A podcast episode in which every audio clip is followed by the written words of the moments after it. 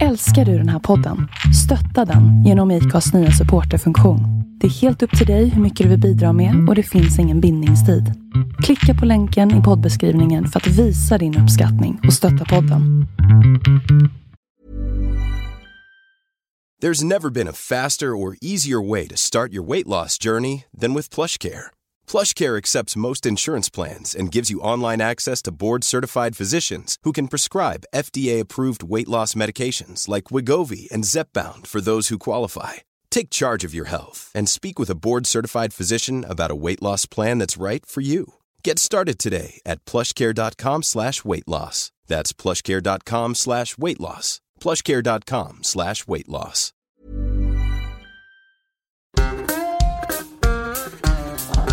Det här avsnittet av Vi måste prata presenteras av Borlänge Paddelcenter. Du som lyssnar har 40% rabatt på banhyran vardagar fram till klockan 16. Boka på borlängepaddel.se. Ange rabattkoden VMP.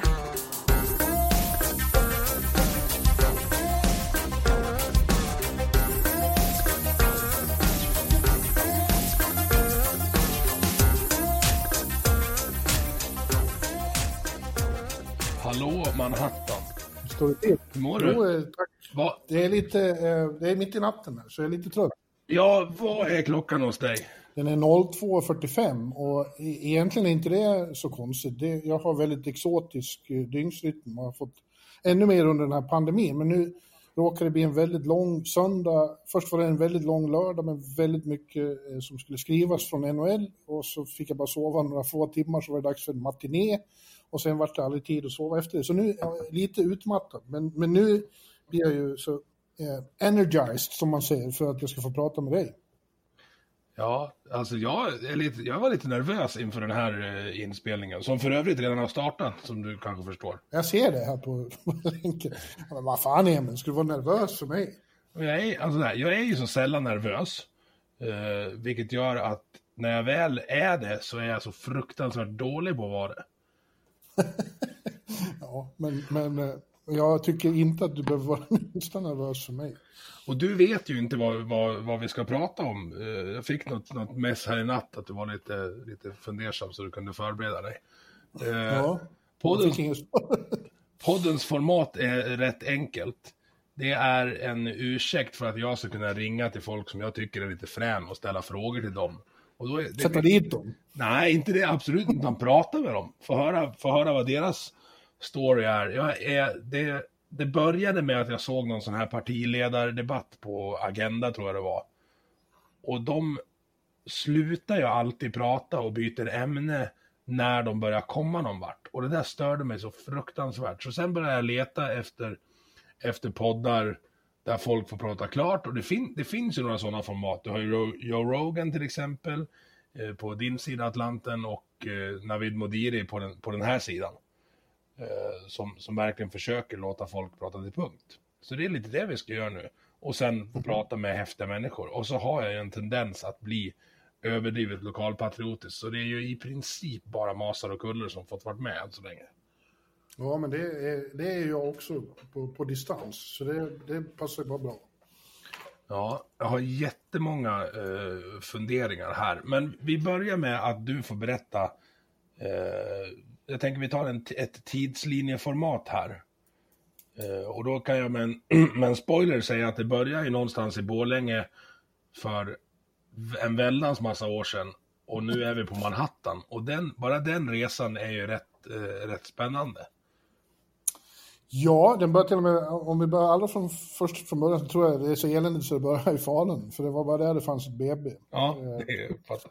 Borlängebor vill inte vara födda i Falun, men är i allmänhet det. Nej, men så jag växte upp i Borlänge, eh, i nedre Kärna som det heter, radhusområde. Om man åker riksväg 70 uppifrån dig och, och när man har passerat Tjärna ängar så är det första avfarten ner till höger, vita radhus. Och det är, det, är en, det är en ganska dum avfart mitt på raksträckan där. Ja, verkligen. Man blir alltid arg när någon jävel blinkar där. Va? Ja, det har jag gjort otroligt många gånger i livet. och ställt till Och det är lite otäckt också. Ännu värre om man kommer från andra hållet och måste korsa Ja, den är eh, är dum. norrgående trafik. Det var, det var en del olyckor där, så det var, det var inte bra. Men ja, där växte jag upp eh, och eh, bodde ju i Borlänge ända tills... Eh, jag, var, eh, jag var ingen av de här som stack så fort jag kunde, som, som man hör, utan jag var väl 23-24 år när jag flyttade till Stockholm. Eh, och då hade jag jobbat på Borlänge Tidning då i...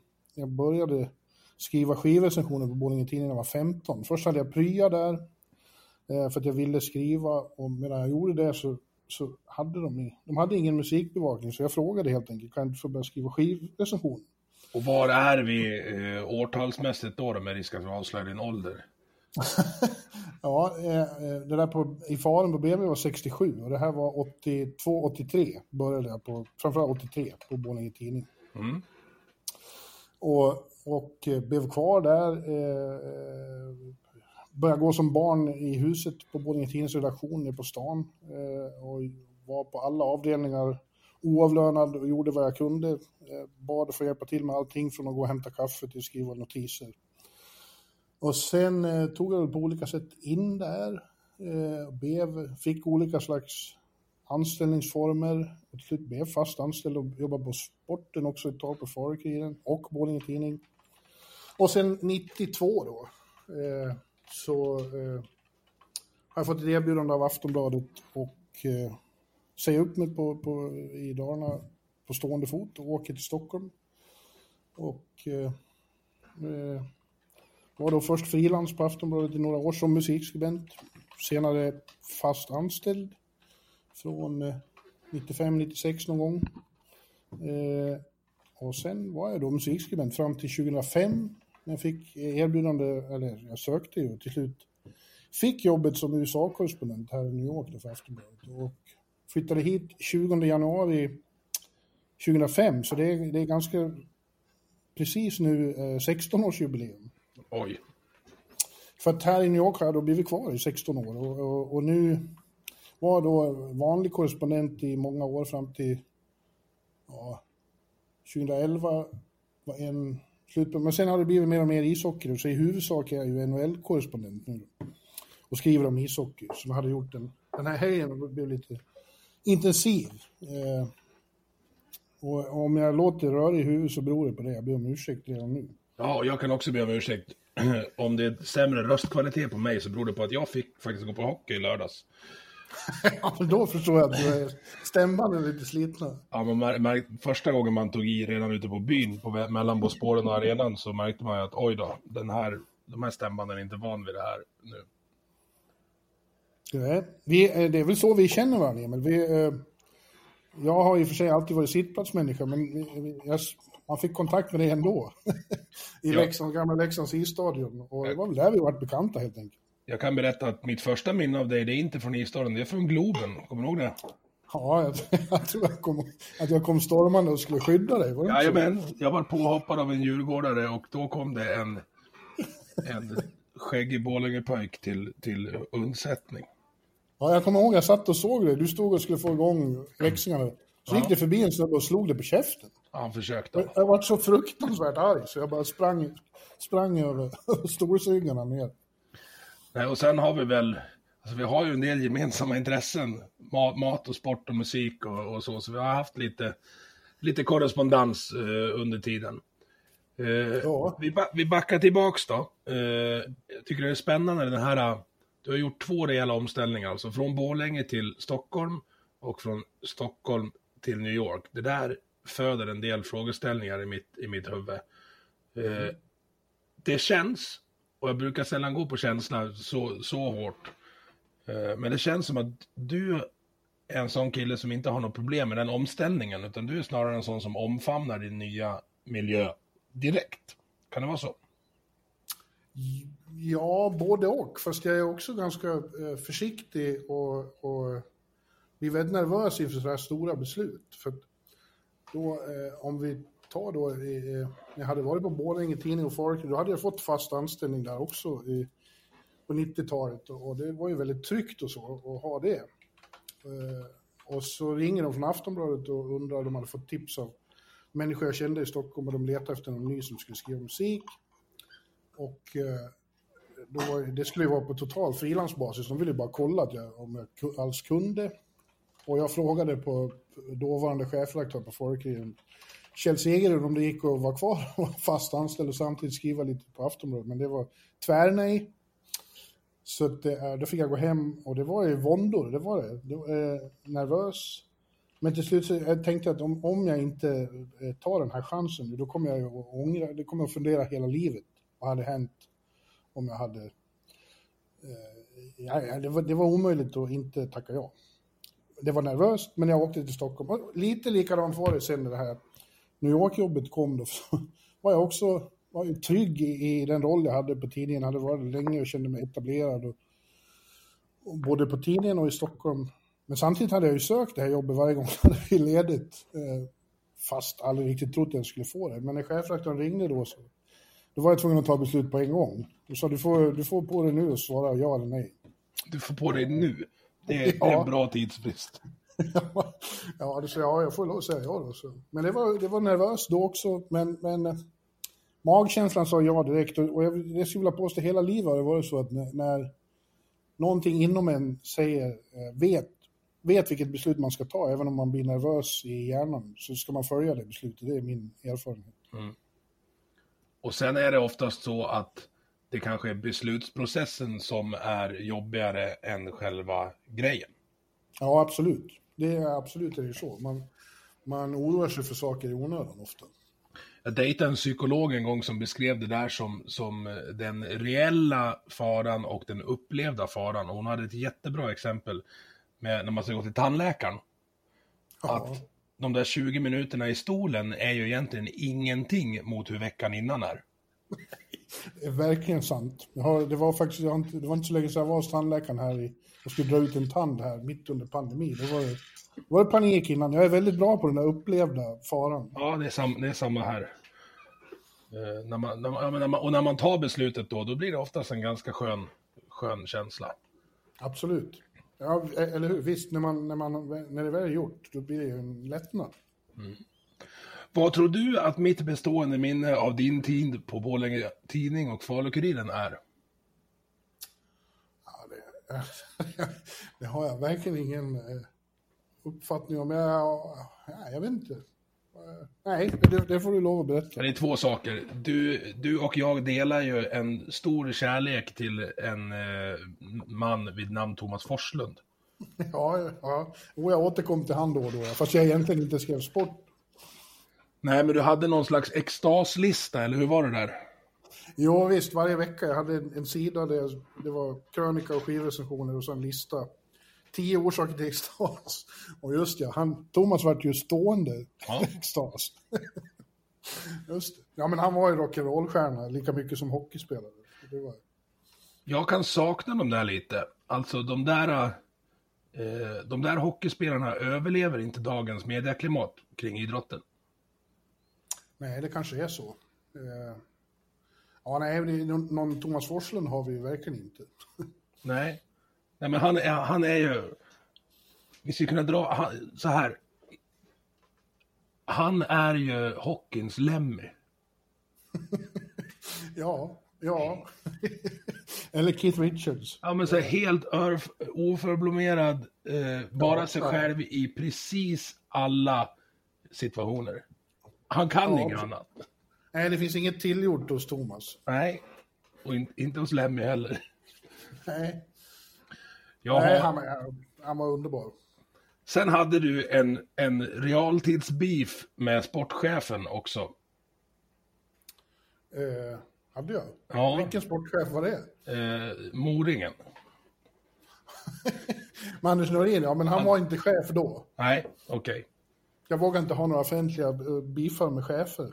Nej, det är. Nej, han skrev, eh, när du var med och startade upp eh, Serik Fans, alltså Borlänge, eh, Brages supporterklubb, så skrev han eh, i en krönika att han ifrågasatte om man måste ha en ölflaska i handen för att heja på Brage. och då svarade du, Ingen aning vad jag sa. måste man ha en nappflaska i handen för att på Mora?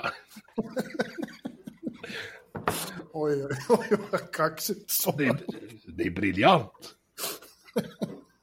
jo, han, han var ju urmoring. Ja, det, det är han fortfarande. Han skriver krönikor för dem nu. Ja. Men ja, eh, var ju bra, po- bra pojk på alla andra sätt. Ja, precis. Det var ju en ständig, det var ju inte så blodigt, men det var ju en konflikt på relationen. Moringar mot växlingar. Ja, och då fanns det ju ändå ingen konflikt mellan lagen, utan det var ju bara historiskt. Alltså, tänk dig hur det hade varit nu när vi har stött på varandra flera gånger de senaste 10-15 åren. Ja, jag vill knappt tänka på det. Nej, det är ju sant. De var, de var ju, det var ju två olika världar då, verkligen. Ja. Leksand. Vi jobbar på att permanentera det igen. Det ser väl bra ut just nu. För oss ja, ja. Ja, jag menar, för att få den, få den världen etablerad igen. Sen är det ju så här att man blir ju äldre. Om jag, om jag skulle åka tillbaka till en tidsmaskin och berätta för 22-åriga Emil längst fram på ståplats att jag skulle vara kompis med Moras klubbdirektör. Ja, nej, eller hur? Det hade ju inte gått. Nej. Men, Nej, det är ju jag också. Eh, eh, Men eh, som du säger, man blir äldre. Det går, det går att ha det på en, på en, eh, på en civiliserad nivå ändå. Fortfarande vara rivaler, men inte liksom att det blir på för blodigt allvar. Det var roligt. Det här kanske jag får klippa bort, men jag hävdar att jag inte klipper, men jag ska berätta en passus som jag tror att du kan uppskatta. När vi, när vi skulle göra första Globen-matchen, då jobbade jag på, på kansliet. Och eh, Moras marknadsansvarig, en, en eh, kille vid namn Martin, var också en gammal klackkille. Eh, från deras håll då. Och eh, det första han berättar på första mötet inför hela projektgruppen med folk som aldrig har träffat mig förut är att ja, det här är Emil och en gång på midsommar i Leksand eh, lyfte han upp mig och kastade mig rätt in i sidan på en ambulans. Ja, Men jag fann mig ganska snart, och, eh, ganska fort och så sa jag att ja, men det var väl snällt. Snällt, säger allihopa så här. Ja, jag, jag hade ju kunnat kasta han bort från ambulansen. ja precis. Ja, Ja. Eh, Martin är en bra, bra pojk eh, det också faktiskt. Eh, nej, men det- man, det- man blir ju äldre och mindre, eh, mindre radikal på vissa delar men mer radikal på andra delar. Om du skulle göra motsvarande resa och åka tillbaka till en tidsmaskin till den här grabben som sprang och hämtade kaffe på Borlänge Tidning och berätta att Nej, men jag, jag, 2005 då kommer du få flyga över till Manhattan och sen blir du kvar där. Hur, tror, hur tror du Per hade reagerat på det? han skulle, blivit, han skulle inte ha begripit det riktigt. Han skulle ha blivit både rädd och... Eh, eh, han skulle inte kunna greppa det. Det är så overklig värld. Eh, då, 90, eh, 83, då hade inte jag varit här överhuvudtaget. Jag hade varit med familjen i Kalifornien en gång när jag var riktigt liten. Men det, det fanns inte begreppsvärlden eh, eh, att jag skulle... Eh, jag hade någon dröm då. Drömmen då var jag få jobba på, på, på riktigt på tidningen i Dalarna. Det var, det var första målet. Eh, och det var stort nog att, att, att drömma om då. Eh, den här uppfyllda drömmen, nej, det hade han inte förstått. Men det där är ju intressant för att eh, eh, det är nästan så jag vill ta i, i trä när jag säger det, men, men yrkesmässigt är det så att alla, alla drömmar jag har haft, de har slagit in. Ja. Du har, har du, du har aldrig blivit besviken på en dröm någon gång när den har slagit in? Nej, nej, verkligen inte. Tvärtom. Det, eh, har det blivit ännu bättre än vad jag hade hoppats. Först som sagt så var det ju att alls få skriva de där skivrecensionerna på Borlänge Tidning var en dröm. Och det var ju helt otroligt. Bara en sån sak som att det hade jag inte riktigt fattat att man fick skivor gratis av skivbolaget. Det var ju, det var bara att ringa så skickade de skivor. Det var, jag höll på att svimma. Eh, och sen när jag var där, när jag höll på med det, så var ju drömmen att på, på något sätt få in en fot och, och bli anställd och, och jobba som riktig journalist, riktig inom citationstecken. Eh, och efter några år där så var det ju, drömmen var att komma till Stockholm och jobba på en rikstidning och, och, och det blev av. Och när jag hade varit där så var drömmen om att komma hit. Och efter ett tag här så var drömmen att, att få fokusera hårt på NHL. Och det har blivit så. Jag, jag, jag är väldigt privilegierad på det sättet. Att det, har, det har blivit som jag velat och, och ändå bättre. För visst föll du för någon slags tidsram? Alltså Aftonbladet har bara en korre i New York en viss tid. Sen får du inte vara Aftonbladet längre, utan då måste du bli frilans. Nej, inte riktigt så. Men däremot så var, var det efter ett tag, vi, vi har ingen fast anställd korre längre. Eh, utan jag, jag bet mig kvar så länge så till slut så insåg de att å ena sidan skulle de lägga ner kontoret och å andra sidan så var det omöjligt att få hem mig. Så vi, vi gjorde ett annat slags deal. Så i princip är jag fortfarande anställd utan att det är på papper. Ja, spä- spännande. Alltså jag, jag tycker att omritningen av mediakartan eh, sen, sen internet hamnade i var mans ficka är otroligt spännande. För nu har du så här, alltså, tidningarna gör radio, radion gör filmklipp, tv skriver nyheter på sin... Alltså det har blivit ett, ett, ett mischmasch. Ja. ja, du kan ju tänka dig utvecklingen från när jag började på Borlänge Tidning 82. Vi satt och skrev på skrivmaskinen med manuspapper. Ja. Ot- otroligt spännande. Ja, det, eh, när man tänker tillbaks på det, att den utveckling som har skett med vår teknik och hur, hur den ständigt accelererar. Det tog ju många år innan de första datorerna kom och sen tog det många år innan de började utvecklas och nu går allting snabbare och snabbare hela tiden. Frågan är vad, vad, vad nästa steg blir. Alltså det är jätteintressant att, att lyssna på sådana som, som eh, alltså så här framtidsspanare. Ja, En, en som är otroligt bra på det där är ju Alexander Bard. Alltså det trodde man ju inte när han, när han hoppade omkring med, med La Camilla och de där. Att ja, men han ska jag lyssna på i två timmars podd nu så kommer han berätta för mig vad jag kommer göra med min telefon om tio år. ja. ja. Men det, det är ju så här, så bara en sån här sak som det, du och jag sitter och gör nu. Det är vardag nu, men det är ju bara fem, sex, sju år sedan kunde vi inte föreställa oss det här heller.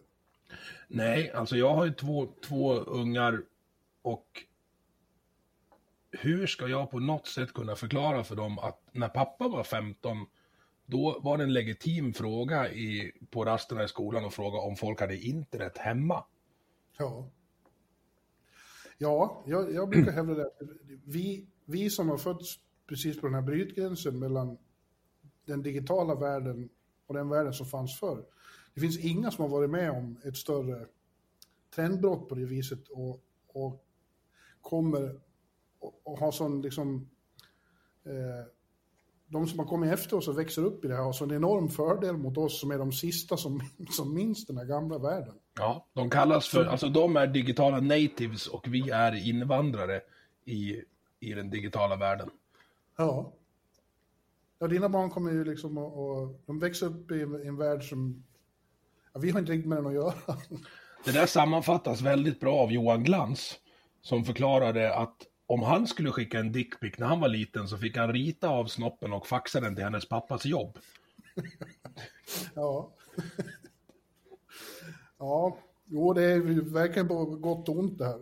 Ja, jo så är det och, och det kommer finnas ett visst mått av kreativ förstörelse om vi håller oss kvar i mediebranschen nu. Jag upplever framför allt kring, kring eh, hockeyn här hemma i Sverige, som är, är den jag har, har liksom närmast, att kanske kvällstidningsjournalisterna är de som har haft svårast att anpassa sig till det. För innan varje match började tv-sändas, då om du inte var på plats, så var det Aftonbladet eller Expressen dagen efter som du kunde få information om ens vad som hade hänt på matchen. Alla som ser, alla som är intresserade av att se eh, av Leksands IF ser ju matchen nu. I alla fall 90% av dem. Eller lyssnar, av de andra 10% lyssnar på Pelle Marklund. Ja, just det, det gör jag. Så då blir det ju svårt för, för Ros och Wennerholm och de här. Alltså deras, deras rapporteringsfunktion är ju en dinosaurie. Så det, de måste komma med någonting, de måste komma med en ny infallsvinkel. Och där går man ju bom ganska ofta, tyvärr. Jaha. Ja, det är, jag, jag har ju bilden av att de dels direkt rapporterar och dels eh, eh, är eh, namnen så pass intressanta att man vill läsa vad de har för synpunkter på det man har sett. Ja, vi får vara överens om att inte vara överens där. Okej, men det är ju lika här. Det är ju precis eh, det är samma sak med NHL, att, att eh, eh, alla ser ju allting som händer eh, som de vill se. Ja, Och eh, eh, journalisternas roll blir det, det, det, som du nämnde själv så gör ju vi också tv då. Eller alla mediebolag här gör ju tv-sändningar runt omkring och försöker hitta egna infallsvinklar men också hitta röster som, som människor vill ta del av, både före och efter och under och nästa vecka. Ja, och det, för- jag, jag förstår precis, men jag, eh, jag tycker att det höjer kravbilden avsevärt. Du, du kan inte leva som sportjournalist på att vara matchrecensent längre. Utan du måste bidra med någonting själv. Alltså du måste Ja, men det skulle addera. jag på, det vill jag påstå att de, de du nämnde gör, men om vi inte är överens om det så är vi inte överens om det. Men Jag tycker, det kan bero på att jag är hemmablind och, och kanske är närmare eh, laget här än vad, de, än vad de kommer. Så att jag tycker att de, de kör en del banala vinklar. Men jag uppskattar att läsa dig. Jag tycker om att läsa... Eh, alltså de som är bäst, alltså jag tycker typ du och Leifby är de som ändå har någon slags grundad känsla som jag kan relatera till. Alltså att man har ett förhållande till, till sporten i allmänhet och till sitt lag i, i synnerhet som kanske inte är sund egentligen. Jag känner ju igen det eftersom jag, när jag är hemma så är jag supporter också. Eh, på ett sätt som jag ju inte är här. Men alltså jag tycker ju att, eh, jag tycker om alla mina kollegor där på Sportbladet. Jag tycker att de fyller olika funktioner. Eh, vi, har, vi har bra nyhetsjägare och vi har bra eh, krönikörer och, eh, av olika sort. Så jag tycker det är bra. Men jag, jag, jag har full respekt för att man, man måste inte hålla med mig. Och då är det alltså kåranda som ska in på vågrätt 4. Ja, men eh, ja, man ska, ha, man, man ska definitivt ha respekt för sina medarbetare. Ja, absolut. Jag vill inte att du ska häng, hänga någon så. Du, hur ser Per Bjurmans vardag ut på Manhattan? Det funderar jag på jättemycket. Jag har en bild av den, men jag, ska låta, jag har den nedskriven här. Jag ska låta, låta dig berätta. Ja du, dels beror det lite på vilken tid på året det är och nu har ju vardagen slagits omkull eh, under ett år. Eh, Det har ju inte varit någon vardag här sedan pandemin bröt ut. Eh, Det är läget är inte lika desperat som det var i våras, men Ja, det men är fortfarande... om vi tar pre, pre-pandemin då, alltså från 2005 till 2015 kanske vi kan ta. Ja, under, under vinterhalvåret då så är det... Eh, när jag bevakar NHL på, så tar det enormt mycket tid. Eh, för att eh, åtminstone fem, sex kvällar i veckan så bevakar jag... Jag är inte på match hela tiden, men jag ska hålla koll på framförallt vad svenskarna i ligan gör då. Och på, sent på kvällarna så är det alltid någon som ska ringas. Man ska ringa Filip i Nashville och höra hur, hur det gick till när han gjorde de där två målen. Ja, Eh, för vi, vi skulle kunna prata jättemycket om Filip. Alltså det är Ja. mm. Eh, och eh, det innebär att, att nätterna blir sena. Jag är en kvällsmänniska så det har jag inga som helst problem med. Men eh, när jag har jobbat klart, om det är sena matcher ute på västkusten eh, och något måste göras därifrån, då är jag väl klar vid ja, typ den här tiden, två, halv tre. Eh, och då eh, har jag väldigt svårt att, varva ner på en gång så jag kommer väl i säng vid fyra, fem. Eh, och sen är jag uppe på, sent på förmiddagen, 11, 12. Går ut och äter frukost, lunch, går promenad. Har du ett stammisställe? Ja, jag har, en, lunch. ja, jag har en så kallad diner som ligger här i, i närheten av mina kvarter. Eh, och går... Eh, jag, blir, jag blir nostalgisk när jag pratar om det, för det går inte riktigt nu. De får bara ha uteservering. Eh, Och det är inte så kul i januari. Nej. Och sen får de lov att stänga på... Sista beställningen 10 här. Ni har senare vanor i Djura nu än vad vi har på Manhattan. Ja.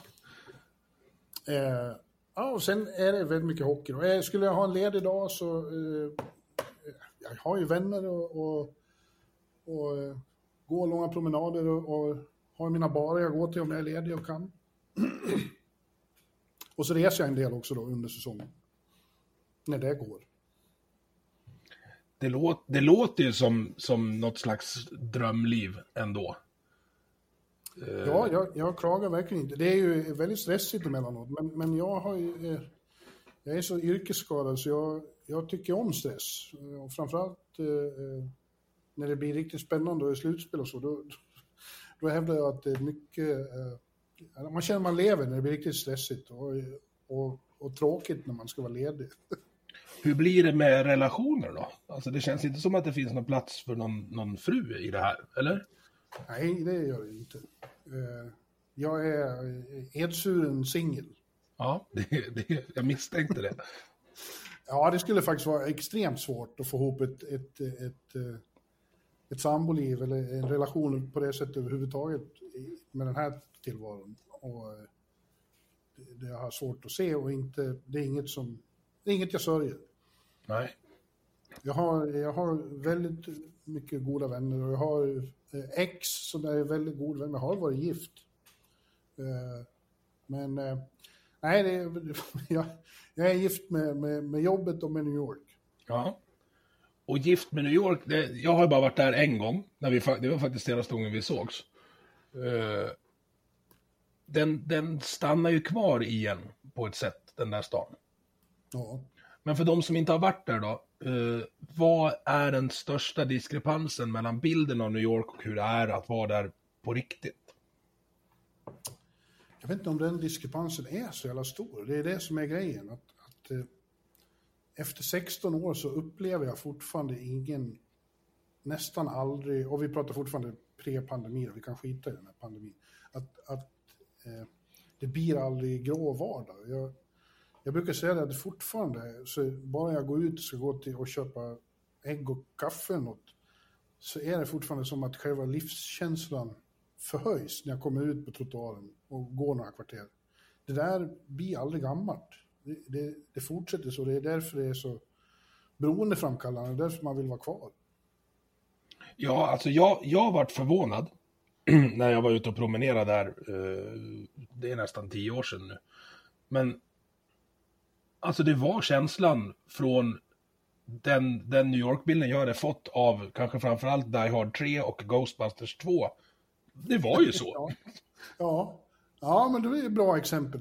Och, och, så är det också fortfarande. Man får titt som tätt får man en känsla, fan nu är jag inne i en film, eller nu är jag inne i en tv-serie, eller nu är jag inne i en Lou Reed-låt och går. Eh, det där blir heller aldrig gammalt. Kanske för de som är uppväxta här och kommer från början, de kanske inte känner precis likadant. Men om man har flyttat hit från annanstans, då, då eh, ja, det, det, det klingar aldrig av. Nej, jag tänker de som är uppfödda mitt i det där, om de skulle komma hit till Djura så måste ju de tycka att livet går i slow motion. Ja, jo fast det får jag faktiskt erkänna att när jag, när jag kommer hem på somrarna, så, så efter att ha varit här ett år då, så lite reagerar man på det, man får anpassa sig, just det, du är inte i New York, nu sluta tänka på att det går långsamt här. Folk har, har en annan, mer själfull, de är inte lika stressade. Nej, och det, fin det finns ju fördelar med, med med bägge, bägge ställena. Verkligen. Fan, du bor ju i Djura. Det är ju ett av, ett av paradisen på jorden. Det är ju det är himlajord där ute. Nu vet jag har en eh, kusin som bor där, eller har sommarställe där. Anna Aha. känner du. Ja. Anna Teblin. Ja. Hennes, ja, du... jag, jag och hennes mamma är kusiner. Jag och Annika är kusiner. Du får se till att pallra dig hit nästa sommar. Ja, bor du i närheten av där hon har sitt hus? Det vet jag faktiskt inte, men i och med att det är djura så är svaret ja. ja, ja, precis. Ja, precis. Du, när du först flyttade över och började skriva om hur det var i New York, då landade du väldigt ofta på en pub som hette Elaine's. Ja. Berätta om den. Ja, det, eh, pub skulle jag inte kalla det, det var mer en restaurang och salon, säger vi. Och, eh, jo, det var ett ställe jag hade var, besökt när jag hade varit här förut som, som besökare. Jag åkte hit mycket innan jag flyttade hit. Och, och när jag flyttade hit så var det en av krogarna jag bestämde mig för att där vill jag bli stammis. Och, och, och bli stammis är inte så svårt, det är bara att gå dit ofta så blir man ju det. Eh, och eh, det för att det var en stämning där som jag tyckte väldigt mycket om. Det var old school New York och, och så var ju värdinnan där, och hon, Elaine själv, var en New York-legendar. Eh, och hur, hur visste du det? Ja, det, det, hade jag väl läst någon gång innan första gången jag kom hit och, och så som sagt så började jag gå dit då. Och all, alltid när jag var här så var det åtminstone ett besök på Elaines. Eh, för att ja, det var så, man visste att Woody Allen alltid gick där i yngre dagar och, och, och den typen av kändis, Alan Alda. Eh, det var mycket kändisar där, det var väl det som lockade först. Mm. Eh, men så jag började gå där och, och var där faktiskt. Jag var väldigt ambitiös med det där, så jag var där några gånger i veckan. Och eh, blev ju snabbt tjenis med, med servitörerna. Och, och efter ett halvår eller vad så var jag introducerad för Elaine som var en enorm kvinna på 200 kilo, och fast kort. Eh, Spännande. en enorm, ja, en enorm matrona i New York-natten. Eh, och eh, vi blev väldigt goda vänner. Och, och ja, jag kallar henne till och med min surrogatmamma här. Hon var, hon var verkligen hjälpte mig att träffa en massa människor där och var en, en, en, en riktig vän. Tyvärr gick hon bort 2010.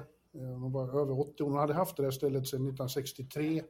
Hon var där i princip varenda kväll och bara gick runt mellan borden till sina stammisar och satt ner och berättade historier och, och, och fantastiska historier med sin, eh, med sin skrovliga Bronxröst. Det var en, en, en sann karaktär. Mm. Och när, var, när, när, min riktiga mamma var med på besök en gång, så när hon skulle gå, hon, hon gick väl alltid hem vid midnatt och då satt vi vid ett bord och hon kom fram och la sin jättenäve på min mammas hand och sa bara Don't worry about it. I'll take care of the kid for you. det måste känns tryggt. Ja, jag var, the kid var ändå över 40 år.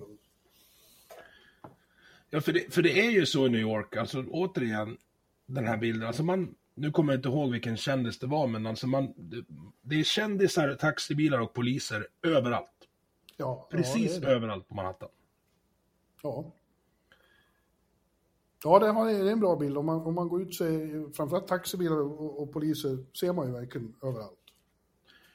Jag har någon bild av, uh, nu kanske du blir så arg så du lägger på, men jag har en bild av att ditt mål i hemlighet uh, när du flyttade till New York var att bli någon slags knätofs George Costanza. Och jag tror att du är ganska nära att nå det målet. Kan det stämma? Ja, det, jag tror inte det var ett mål, men det kan mycket, kan mycket väl ha blivit så. Vare sig jag vill eller inte. Vi har, vi har mycket gemensamt, jag och George. För det är, eh. det är också så, alltså New York-bilden man har fått är ju från Seinfeld och den är, det, det är ju så. Ja. Ja, ja, jag är nästan lika neurotisk som George Costanza, för jag är inte lika snår som han, jag är inte snår alls faktiskt. Det är hans, det är hans stora svaghet tycker jag. Ja. Vad, vad tycker du, vi ska se här, jag, har, jag hade någon jättebra fråga här, men nu tappade jag bort anteckningen för att jag satt och googlade bilder på Elaines. Ja, det vart ju då senare, det, det vart verkligen mitt vardagsrum, mitt home away from home och efter hon hade dött och så slog det igen efter ett tag och det, det är fortfarande en sorg. Det var nu i december så var det faktiskt tio år sedan hon dog och, och jag var där, fast nu krogen finns ju inte längre, det är något annat. Jag var där och la en blomma i alla fall utanför dörren. Ja, det kändes nog va? Ja, jag saknar henne väldigt mycket. Jag saknar kvällarna som var där. Man eh, vart ju liksom... Det var legendariska kvällar inne där. Det var som elektricitet i luften för att det var så spännande människor och, och, och intressant överallt. Och man åt först och sen flyttade man runt mellan borden och, och notan följde efter. Liksom. och så, så, var det, så var det bara att betala den på slutet. Då hade man varit runt hela, suttit ner hela lokalen. Ja, då, vi har pratat om New York-bilden. Eh, USA-bilden. Jag, jag, en gång för länge sedan så skrev jag att USA verkar vara uh, två stycken civiliserade kuster och sen bara rednecks mittemellan. Och jag, fick, jag skrev det på Twitter och jag fick en sån blåsning av Peter Sibner så jag visste inte vad jag skulle, skulle ta vägen. Nej, det är känsligt för, för the CEO. Ja. Sen tittar man på valresultatet. Alltså jag vet att du kanske inte vill prata så mycket Trump, men det går inte att låta bli. Uh, New York röstade nästan 70 procent på Joe Biden. Ja. Uh, jag har en... Och här på Manhattan skulle jag, skulle jag tippa att det är ännu större siffror. Jag skulle tippa att det är 80-85 procent här på, på Manhattan. Ja, det kan... Uh... Min, min mentala tränare, som jag ofta hänvisar till, Jörgen Bond, som var med i första säsongen av den här podden. Han säger alltid åt mig att Emil, när du stöter på människor som du verkligen inte, som verkligen inte går att förstå, då måste du försöka att förstå dem. Man kan inte utgå från att oj vad fel ni har, eh, utan man måste lista ut hur de tänker för att få rätt i sitt huvud. Ja, i- Jag hörde faktiskt på någon, att du pratade om det förut. Ja. Ja, och i USA så har du ju 170 miljoner människor som vill ha fyra år till av Trump. ja, 70 miljoner. 70 miljoner, ja. Men Per Bjurman då, som bor i, i USA, på vilket sätt har de människorna rätt? Ja, jag eh, tycker ju inte att de har det då. Men, men jag, jag, jag, lite håller jag med Sibner om. Den här bilden är ju mer komplicerad än så. Att, att, att vi är civiliserade på kusterna och de är galna mitt i landet. Det är ju såklart väldigt mycket mer intryck. Jag reser ju enormt mycket och det finns, eh, det finns mycket i USA som är väldigt förvirrande och komplicerade. För att man kommer ut i, Texas eller i Tennessee eller Mississippi och man träffar de mest generösa eh, gästvänliga, underbara människor att ha kul med. Och så i nästa andetag så framgår det att de har åsikter man tycker är helt hårresande i, i massor med frågor. Eh, och det där blir ju, alltså det ställer ju saker och ting på en och man tror att alla som, som hyser de åsikterna om till exempel abort eller sånt här, att de är eh, arga och vansinniga. Men det, det, riktigt så är det ju inte. Och, och det är mångfacetterat, men många där ute, vad, vad gäller Trump då, så är det så att många av dem, ja, han har ju någon poäng i när han kallar dem bortglömda, liksom, för det är ju människor som har blivit eh, ignorerade, som man skiter i, i, i rostbältet i Ohio. Jobben försvinner och ingen bryr sig om dem. Och, och jag hävdar ju då att han kanske inte är så ärlig i sitt uppsåt. Jag hörde du prata med hon centerpartisten i Leksand, du pratade om, om eh, sådana som kommer med enkla lösningar på svåra problem. Ja, det är livsfarligt. Ja, han är ju en mästare i den konsten, liksom, som den, den gamla hustler han är härifrån New York. Han är ju en typisk New Yorker från Queens som är liksom en bullshitter. Han var ju det långt innan han kom in i politiken. Han var en, en, en sån klassisk New York-typ. En sån här snackare och dribblare och som inte går att lita på en sekund. Så, sån har han alltid varit. Eh, och jag hävdar kanske att han har lurat dem med de här enkla lösningarna. Eh, men de, de har ju uppfattat det som att det är i alla fall någon som lyssnar på oss eller tar oss på allvar. Ja, jag tror de röstar på honom för att han är inte de andra. Ja, exakt. Det är klart det är så. Och det, och det finns dessutom ett, ganska stort skikt som röstar på bara för att jävlas. För att de Ja. vet att etablissemanget blir så upprört. Och det, det jag kan sakna från, om vi ska kalla dem etablissemanget, både på, på, hos dig och hos mig, det är, man är jättebra på att peka ut exempel på när de här äh, fringe-människorna gör bort sig och säger dumma saker, men man är väldigt dålig på att tänka efter så här, ja, nu har vi, nu har vi visat här att det här är en, en någon slags buffel och, och, och hustler som du kallar det. Men de föredrar ändå honom framför mig. Vad har jag gjort för fel? Ja, jo, den, det är bra. Det ska man ju kanske man ska fråga sig ibland. Men, men jag har ju också varit på, jag har ju bevakat en del eh, politik här och valen genom åren. Och, och 2016 var ute lite grann och har varit på valmöte där det var jävligt obehaglig stämning alltså. Ja, det kan jag tänka. Särskilt som journalist, va? Ja, precis. Jag har blivit spottad åt det så, liksom. Helt oskyldiga lilla jag. Mm. Eh, och jag tycker att han, alltså, och det såg vi ju då förra veckan eh, med den här förfärliga terroristförsöket i, i, i kongressen. Det var ju riktigt omskakande vad, vad det är för krafter som har satts i rörelse här. Det är väldigt obehagligt. Och, och det är ju obehagligt nu fram till på Vi vet ju inte riktigt vad som kommer hända här innan, innan Biden blir insvuren. Nej, Det är väldigt obehagligt stämning. Alltså det, det, det är slitningar i det här landet som de inte har haft sedan 1860-talet. Alltså jag tyckte, först skojar man om att så här illa har det inte varit i USA sedan 60-talet. Och så kom man på att det är nog 1860-talet vi pratar om, när det var inbördeskrig.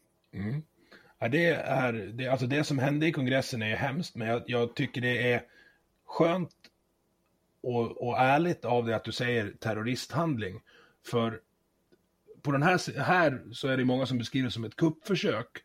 Och jag, vä, jag vägrar gå med på det. För alltså, oavsett om de hade lyckats ta Mike Pence som gisslan, ett kuppförsök har ju som, som slutgiltigt mål att ta över makten. Och jag kan säga att hade de tagit, eller lyckats tagit någon som gisslan in i Kapitolium, de pojkarna i de svarta skåpbilarna som hade kommit rullande då, hade inte gått med på de maktövertagande.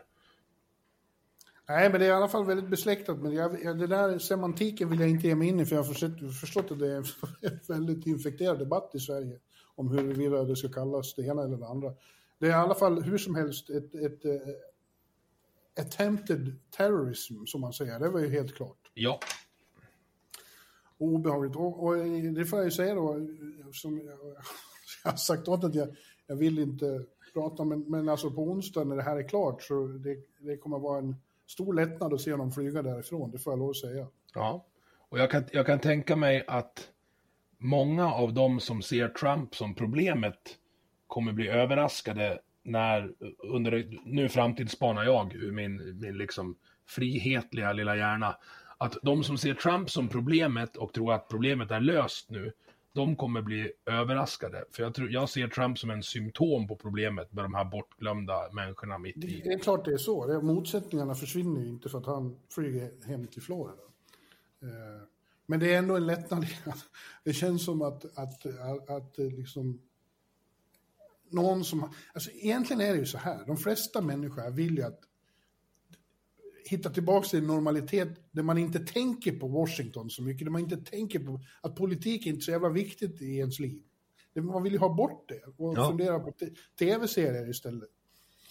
Eh, och han har ju varit, det är i alla fall skönt att, ja det kommer vara skönt att slippa honom, jag, jag säger det, det var ju här eh, i november då när det hade gått några dagar och, och vi fick beskedet att ja, Biden vinner då. Jag låg och slumrade här på förmiddagen och jag bodde på 48 våningen i ett hus.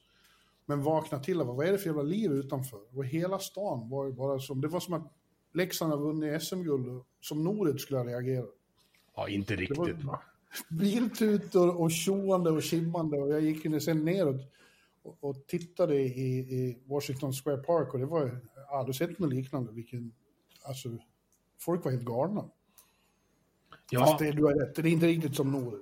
Nej, apropå galna, alltså det är ju verkligen, man, man funderar ju på vilket parallellt universum man har teleporterats till när man ser den här killen med, med hornen. ja. Alltså, vad har du ätit för svamp och finns det fler? Det är liksom, åh, man, blir, man blir fundersam på eh, den mentala hälsan. Det, några av teorierna de här längst ut på, på den kanten tror på är ju så alltså, vansinniga. Alltså man, blir, man blir verkligen mörkrädd när man inser att människor tror verkligen på det här. Att, eh, ja, att, världen, eh, att världen styrs av en, av en kult satanister som dricker blod. Mm. Uh, jo, men det, det är ju... Har, alltså, har ni det så i Leksand också? Gör de det i kommunhuset? Nej, de dricker nog kaffe, tror jag. ja, det tror jag också faktiskt. Möjligtvis någon Zlatanist kanske det finns där, men... Ja, ska vi, ska vi släppa eh, Trumpen nu då och, och, ja, hoppas att du slipper rapportera om han då framöver. Jag skulle vilja prata lite musik med dig. Mm. Eh, jag tror att du hade fått en stroke om du hade firat nyår med mig. Ja. För efter att jag lyckats hålla mig vaken för att frun tyckte det var viktigt att vi skulle fira tolvslaget ihop med champagne. Och så kollade vi på nyårstalet som, som, som var bra. Sen släpper de upp Thomas Ledin på scen för att köra ett medley med sina låtar. Ja. Ja. Och någonstans skriver någon på Twitter att det är bra att de har Thomas Ledin på scenen, för han är ju ändå Sveriges motsvarighet till Bruce Springsteen. jo, jag, försöker, jag, jag har hört talas om den provokationen. Det är han ju inte. Nej, det tycker inte jag heller att han är. Men jag får inga sådana strokes längre. Jag, jag är mycket mer eh, tolerant än vad jag var som ung man och som musikskribent. Jag, jag, eh, jag, jag om någon uppfattar Thomas Ries så, då, då, får jag väl lov att... Då, varsågod. Vart skulle du eh, sätta in han i liknelsekartan? Då? Vilken amerikansk artist är Thomas Ledin? Ja, det jag tycker det är svårt. Jag tycker då, alltså skillnaden är, jag tycker att det finns kanske en annan eh, emotionell rikedom och tyngdhet, tyngd hos en sån som Springsteen än hos Ledin. Men jag, jag, jag har full respekt för om, om, man, om man liksom blir tagen av, av hans romantiska texter. Men ja, jag vet inte, Brian Adams kanske. Väldigt bra liknelse. Jag satt här och famlade, jag hade inget svar själv. Men Brian Adams är nog, är nog uh, på, på den, den liksom ja. uh, pubertala nivån, eller vad man ska kalla det. Ja, ja det är kanske lite banalare då tycker jag, men... men uh, För du, hy, du hyser ju en stor kanske... kärlek till The Boss. det kan ju inte ha undgått någon som har läst dina, dina recensioner. Framförallt kommer jag ihåg en passus där du och om det var Eken som var på konsert och så spelar de Jungle Land som de väldigt sällan gör. Mm. Berätta om den upplevelsen. Ja, första gången jag hörde den live var på Stadion när de hade, när han hade återförenats med E Street Band och det var väl 20, 2000 tror jag. Och jag, jag, jag satt på pressläktaren och den syns rätt bra på Stadion, gamla Stockholms stadion. Så det var någon som hade vänt sig om och sett att tydligen att jag satt och slog huvudet i, i bänken framför mig. Det hade jag inte tänkt på själv, men, men det gjorde jag tydligen. Av upphetsning? Ja, visst. Det var något så här räcke i höjd med huvudet där jag satt och det började slog jag pannan i. Upprepade gånger. Jo, men han har ju varit en, en, en följeslagare sen, sen tidiga år. Uh, jag tycker inte allt han har gjort är bra, men, men uh, mycket har, har, och framförallt live, är han, jag tycker att han är en av de stora liveartisterna, absolut. med, med återkopplingen till USA då, alltså det är där, det är fantastiskt hur Born in the USA har kunnat blivit en sån eh, patriotisk låt när det, om man lyssnar på texten, är en, en, en eh, så här, skarp ifrågasättning av i princip alla amerikanska nationalistiska ideal. Ja, verkligen. Det är, det är ett svårt missförstånd. Som, eh, det har väl plågat honom själv också att, han, att den har misstolkats så grovt. Eh, ända sedan början. Ronald Reagan använde den i sina valkampanjer och den var ju liksom en direkt eh, protest mot hans USA. Eh, så att, eh, ja, det är otur när det blir så. Ja, det, det, jag, kan, jag kan övertrumfa det med, med två saker från den senaste tiden och då, då hamnar vi återigen i Trump. Men att Trump spelar Fortunate Son med, med Creedence på sina valmöten är ju helt... Det är ju det, det är så korkat så det finns inte.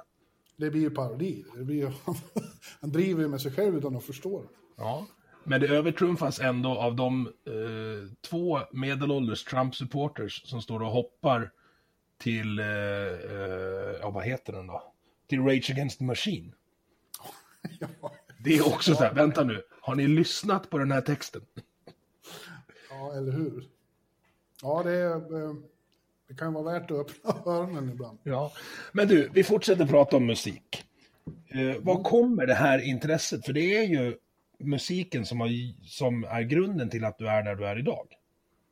Ja, det är det. Jag var musikskribent väldigt länge. Eh, men när jag, som sagt, det var ju så jag började på Borlänge Tidning och på Aftonbladet i alla år. Men 2005 då, när jag flyttade hit så, så klippte jag av den verksamheten och slutade recensera skivor och konserter. Och det var jävligt skönt, ska jag tala om. För det, jag hade ingen aning om hur trött jag var på det och uttrycka offentliga åsikter hela tiden eh, om det.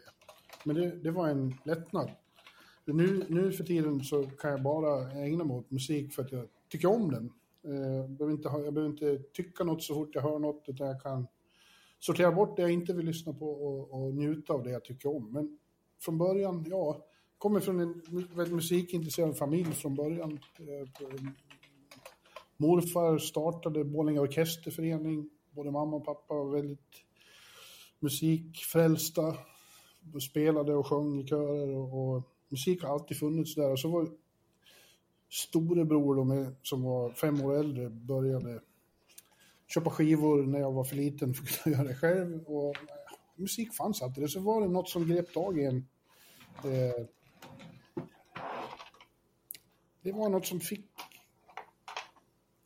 Det kunde man inte formulera då när man var liten, men det var ju något som gjorde att man fick känslor och sånt kanaliserat. Och det gjorde saker med en, man fick en att känna saker och uppleva saker eh, emotionellt. Som, som, eh, ja, det grep verkligen tag och sen jag kom upp i tonåren. Så, vad, kommer du ihåg vad det var för något? Som, alltså vi, vi, var det någon, vilken artist eller vilken låt det var? Ja, de där första åren... Eh, det första jag tyckte om själv var ju när jag var bara sju, åtta år, var ju Osmond som var någon slags förtida Backstreet Boys i princip. Det var inte säkert... aldrig hört. Nej, det var inte så hippt och coolt alls. Det var tvärtom töntigt. Min storebror mobbar mig fortfarande för det. Men sen började jag äh, smyglyssna på hans skivor med Sweet och Deep Purple och sånt. Men sen hade jag väl, även om det var mycket, äh, alltid lyssnat på musik så var det ungefär som alla andra. Det, den, stora, den stora grejen som förändrade allting var när jag var 13 och hörde Ebba Grön första gången. Eh, Okej. Okay. Då, då tog musik över helt och hållet och så var det det absolut största intresset. Eh, och det började spreta åt alla håll och kanter, få tag i all olika sorters musik. Eh, och, I många år så var det liksom verkligen nummer ett. Ja, alltså Ebba Grön är ju fantastiskt bra. Jag, jag är ju för ung, jag missar ju hela den grejen. Ja. Eh, så jag har fått lyssna ikapp i efterhand och blivit kär. Ja. ja, det var en sån jävla knockout. Med, med den enorma kraften och de saker de sjöng om och, och Tåströms röst. Jag varit helt hypnotiserad faktiskt. Ja, det kan jag tänka mig att när de, när de kom eh, efter ABBA, det måste ha varit liksom, jag förstår käftsmällsanalogin där. Ja, ja. Vad lyssnar du på nu då? Alltså nu när du får välja helt fritt. Finns det en, en Per Bjurman-lista på Spotify som du skulle kunna dela med, med världen? Nej, jag, jag har hundratals olika listor på Spotify. Jag tycker väldigt mycket om att göra listor på Spotify. Eh, eftersom jag nu, min skivsamling bor kvar i Borlänge hemma hos min kompis Roger. Eh, så att jag har väldigt lite fysiska skivor här. Så det är Spotify. Och nej, det går inte att säga så. Det är så enormt. Eh, spretar åt väldigt olika håll beroende på humör. Jag har senaste åren varit en hel del inne på jazz och sen är country, särskilt gammal honky tonk country, är väldigt, eh, är jag väldigt kär i. Men även soul, en del hiphop eh, gammal gubbrock fortfarande. Ingen behöver vara orolig. Ja, det spretar ju som, det, det är, ja, spretigt minst sagt. Ja, det är det. Men det är, väldigt, det är fortfarande väldigt viktigt. Och som jag sa, det är väldigt skönt att inte ha det som jobb uh, och behöva lyssna på skivor man inte tycker om. och ännu värre, gå på konserter som man inte tycker är kul. Det är faktiskt bland det tråkigaste som finns att gå på konserter som man inte tycker om. Ja, alltså jag kan tycka att konserter i sig som företeelse är tämligen överskattat. Det är ja, jag förstår det. Oftast dåligt inte... ljud och, och, och trångt och massa vanliga människor och folk spelar öl och ja. Ja. ja, jag tycker om när det är bra. Det, då är det, bland det, det är absolut bland det bästa jag vet. Men vart ju lite yrkesskadad alla de där åren på Aftonbladet. För då skulle allting recenseras, framförallt på somrarna. Och ja, även vintrarna ja, nu fredag eftermiddag i oktober, du tar flyget upp till Sundsvall, ta in på hotellet. Det är sagt att den här konserten med, med Dabas börjar 23, så du ska få hinna med dig i tidningen. Gå dit till den här klubben, krångla, krångla med vakterna utanför. Jo, jag, jag är från Aftonbladet, jag ska in här och jag ska recensera. Så, och, och, Till slut går man in på någon fullsatt krog, där man är den enda som är nykter. Och det första man ser är att skynket fortfarande ligger över mixerbordet, så det kommer att dröja minst en timme innan konserten börjar i alla fall. Då, då vart man lite skadad av att gå på konsert. Det var inte så jävla kul. Nej, skönt att du tog upp Dabas också. Alltså det, det måste vara... De, gissar jag, finns inte med i någon av dina Spotify-listor. Nej, nej det gör de ju inte. Men ja, återigen, jag, jag, är väldigt glad att inte behöva tycka någonting och, och om andra tycker om Dabas så är de välkomna. Jag, jag, som sagt, med åren har jag blivit väldigt snäll och tolerant. Jag var, kunde vara ganska elak som recensent och det skulle jag inte kunna vara idag. Nej, snäll. precis. Det var, det var min nästa fråga. Tror du att Håkan Hemlin bjuder på en pilsner om du träffar honom på krogen? Ja, jag tror att han, i och för sig tror han är så vidsynt eh, nu för tiden att han säkert skulle göra det. Jag tror inte han är särskilt långsint av sig, men För där var du Men- ingen snäll. nej, det var jag väl inte. Det, det var ju, så var ju rollen som recensent. Om man, är man så mesig som jag är nu och snäll och, och försöker förstå alla, då ska man inte vara recensent. För det ska ju vara någon som har starka åsikter. Ja. Nu är klockan vad jag förstår nästan fyra hos dig va? Jag ska se efter. Ja, kvart i. Ja. Jag tänkte att jag skulle låta dig gå och lägga dig nu. Jag tycker det här varit jättetrevligt Per. Ja, jag med. Jag, det är ingen panik för mig att gå och lägga mig, men, men eh, Nej, jag, jag måste förbereda nästa avsnitt. Jag ska prata med eh, Henrik från Inte Rasistmän och Haveristerna. Eh, Okej. Och det måste man förbereda sig på, för kommer man opåläst där, då blir man pulveriserad. ja, det kan jag tänka mig. Men du, eh, när, när får vi höra dig och Forslund då? Ja, jag vet inte om jag skulle kunna hålla mig opartisk inför, inför Gud själv. Nej, måste du det då? Det är väl bara att göra ett idolporträtt. Nej, ja, jag, jag tittar faktiskt här i bokhyllan. Jag har ju en bild på mig och Forslund från 95 liggande här någonstans. Som Det är vackert. Är, ja, men det, alltså det är, man gillar ju sådana där som är, är, är sig själv hela tiden. Ja, ett sant naturbarn, Thomas. Det är, Ja. Och det går, spelar ingen roll hur lång tid det tar mellan man har träffat honom. Jag för förra sommaren då, när det var 100-årsjubileet. Mm. Eh, då det var första gången på många år jag träffat honom, men det var ju precis som vanligt. Det bara kuggar i. Ja, vi var på, på Moskogen där och, och hamnade i baren då såklart. Och det Jävlar. blir, det blir show med Forslund hela tiden. Han är en, han är en pågående föreställning och konstinstallation. Ja, det var så jävla roligt.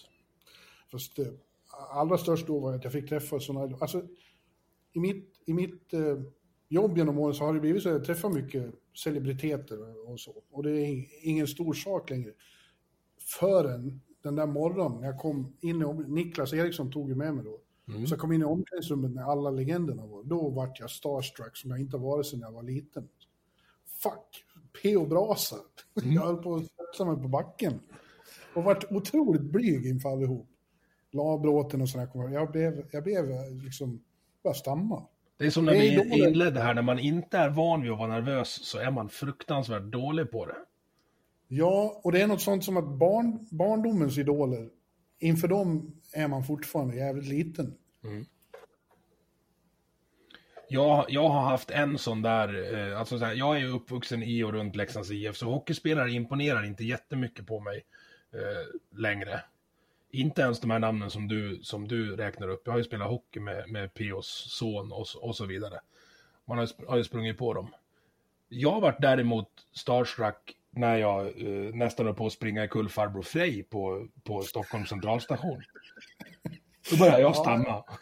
Ja, det ser du. Det är väl lite samma sak. Men, jo, men det är så, jag träffar ju hockeyspelare här hela tiden. De, de, de största stjärnorna, det är, är ju vardag nu. Men, men P.O. Brasa är inte vardag. Och Roland Eriksson är inte vardag. Nej. Och Högosta som kom fram och pratade, det var ju fan vad stort. Jag har en tjejkompis eh, som eh, har den konstiga smaken att bo i Stockholm, men hon är från Malung från början. Och hon var också med mig här en midsommar när vi sprang på Abris.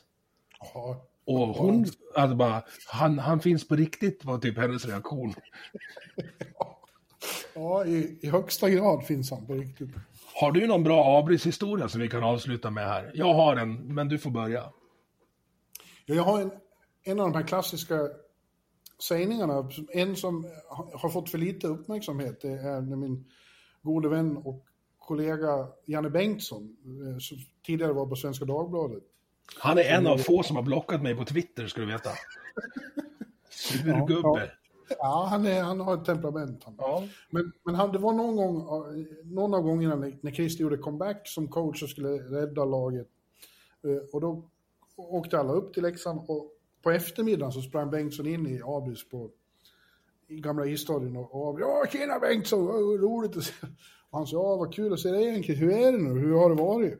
Ja, du vet, hockeyn, den är som en svår sjukdom när man inte har den, då saknar man den. och så gick han. Ja. Ja, eh, för fyra år sedan så skulle jag åka in och köpa eh, blöjor och välling för att vi hade slut på det. Jag hade precis fått första, första ungen. Så jag står och lassar upp det på, på, uh, i kassan på Hemköp och så kommer Christer bakom mig och han, han noterar vad jag lassar upp och frågar om jag har fått barn och, och så här. Ja, ja, det har vi fått det, berätta. Uh, så lägger jag upp min pinne där så det blir Christers tur. Och han läser upp mjöl, jäst, socker, muffinsformar, bakplåtspapper. Och bara, jaha, håller du på, håller du på att baka, Christer? Så, Nej, frun höll på att baka, men det fattas något, men jag har glömt bort vad det var. Han köpte allt. Han gick in på bakavdelningen och plockade ihop en vagn. Otroligt. Ja, men helt, det- helt naturbarn. Där, ja, men har om du gör Forslund så han har ju några bra historier om honom också. När Abris var coach åt honom och kom hem och han inspekterade lägenheterna hos de unga spelarna. Ja, men han hade att ta hand om då också med Burra och Forslund och, och de här. Det var nog bra att han gjorde det. Ja, när han kom hem till Forslund och noterade att det inte var något köksbord där, då vart han tokig och åkte och köpte ett köksbord och ställde in. Ja, Forslund åt sin lunch, middag och förmodligen frukost på Båspåren på det, den tiden. Ja, ja jag, jag, ser, jag hoppas du gör det någon gång. Det ser jag fram emot, Emil, när du pratar med Forslund. Ja, jag lär nog, jag lär nog göra, om, göra om schemat. Ah, det får bli säsong tre när jag har video igen så att folk kan få se denna, denna fantastiska urkraft. För det var han ju. Alltså man, när man pratar om Forslund och Abris och de här så glömmer folk, alltså det blir mycket stories. Men hur bra hockeyspelare de var. Alltså de, de åren när, ja precis när Eklund kom hem från, från USA och flyttade till Leksand. När vi hade Tre Kronors första kedja. De tog Forslund, Eklund och Åkerblom och satte på dem landslagströjor. Och så var de lika bra där. Ja. Även när han var ung, alltså när han slog igenom, kom från Borlänge, och han och Jarmo och Ivan var en kedja, den var helt grymma. Kommer ihåg en av de första matcherna jag såg när han trampade runt Kari Eloranta. Och, och satte, jag stod upp och vrålade åt Forslund. Jävla dåre. Ja. För det var inte så många som trampade runt där. Nej, det var inte det. Men vilka, vilka, vilka tre karaktärer, Ivan, Forslund och Mäkitov i samma kedja. Ja, jag kan tänka mig det. Ja, det, det, är, det är fantastiskt. Apropå trampa runt, nu blir det väldigt mycket spontant hockey här i slutet av podden, men det får folk helt enkelt... Alla läxingar redan, eller alla som inte är läxingar har redan stängt av. Men Ja, de har väl det. jag har en historia från, från Europaligan 1997. När vi åker ner och möter Adler Mannheim i Tyskland. Och de har en, en ryss som tunnlar. Är du kvar? Ja, ja. Ja, jag var skärmsläckare gick igång så jag var rädd. De har en ryss som tunnlar Örjan Lindmark så Örjan slår ihop skridskorna och ramlar. Vilket gör att Leksandsbåset brister ut i en spontan applåd, för det har ingen annan gjort på Örjan. Nej, Örjan var i princip felfri. Det, det var Ja. liksom, det är världens bästa back. ja. Han var inte så offensiv dock. Nej, vi diskuterade det här. Det finns ju ett Gordie Howe hattrick som då är, vad är det, en, en, ett mål, en assist och ett matchstraff. Eller en, ett mål, en assist och en, en fight, tror jag det är. Ja, ja. Och så har du ett vanligt hattrick som är tre mål på en match. Och så har du ett Örjan Lindmark hattrick. Vet du vad det är? Nej. Det är tre mål i samma klubb. Ja, ja, jag minns faktiskt en gång jag var där och han gjorde mål. och- Och det kan ha varit hans första i elitseriekarriären. För alla leksingar bara stannade upp och skrek rakt ut. Ja, Jag kommer ihåg, jag kommer ihåg Sigge som väl spelade med honom då, bara vart så, såg så helt chockad ut på, på, på isen.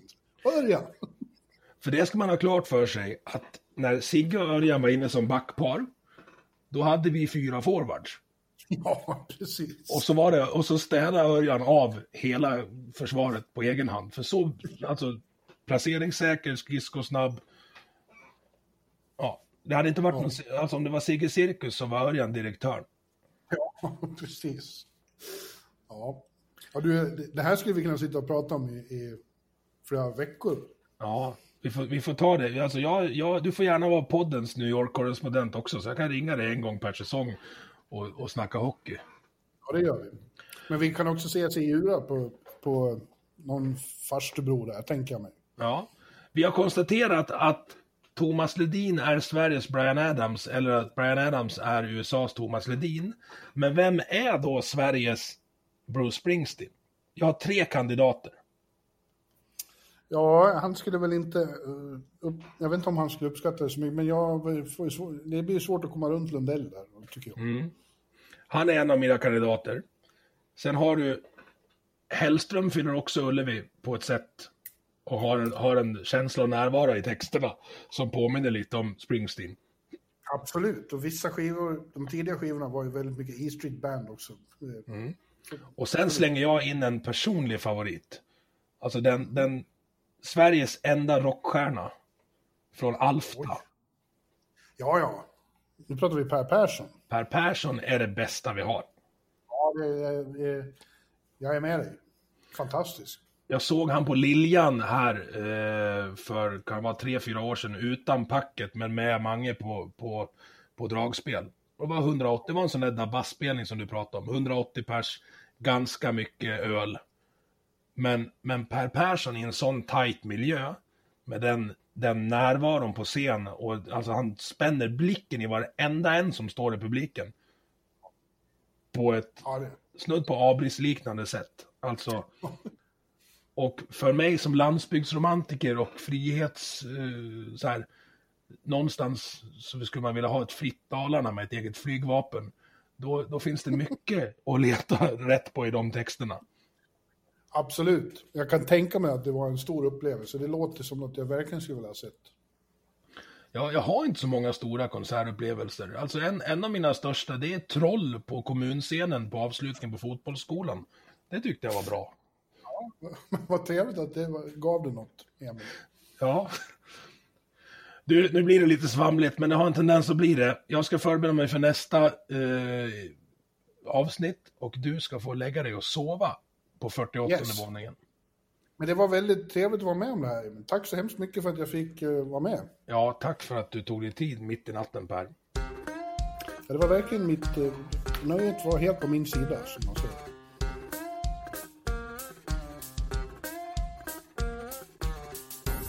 Du har lyssnat på Vi måste prata som produceras av mig, Emil Nilsson. Tycker du om det du hörde? Dela avsnittet med dina vänner och på sociala medier. Vill du stötta podden kan du göra det via Patreon där du hittar den på patreon.com snedstreck vi måste prata i ett ord. Eller så swishar du en slant till nummer 123 671 46 79. Vi hörs!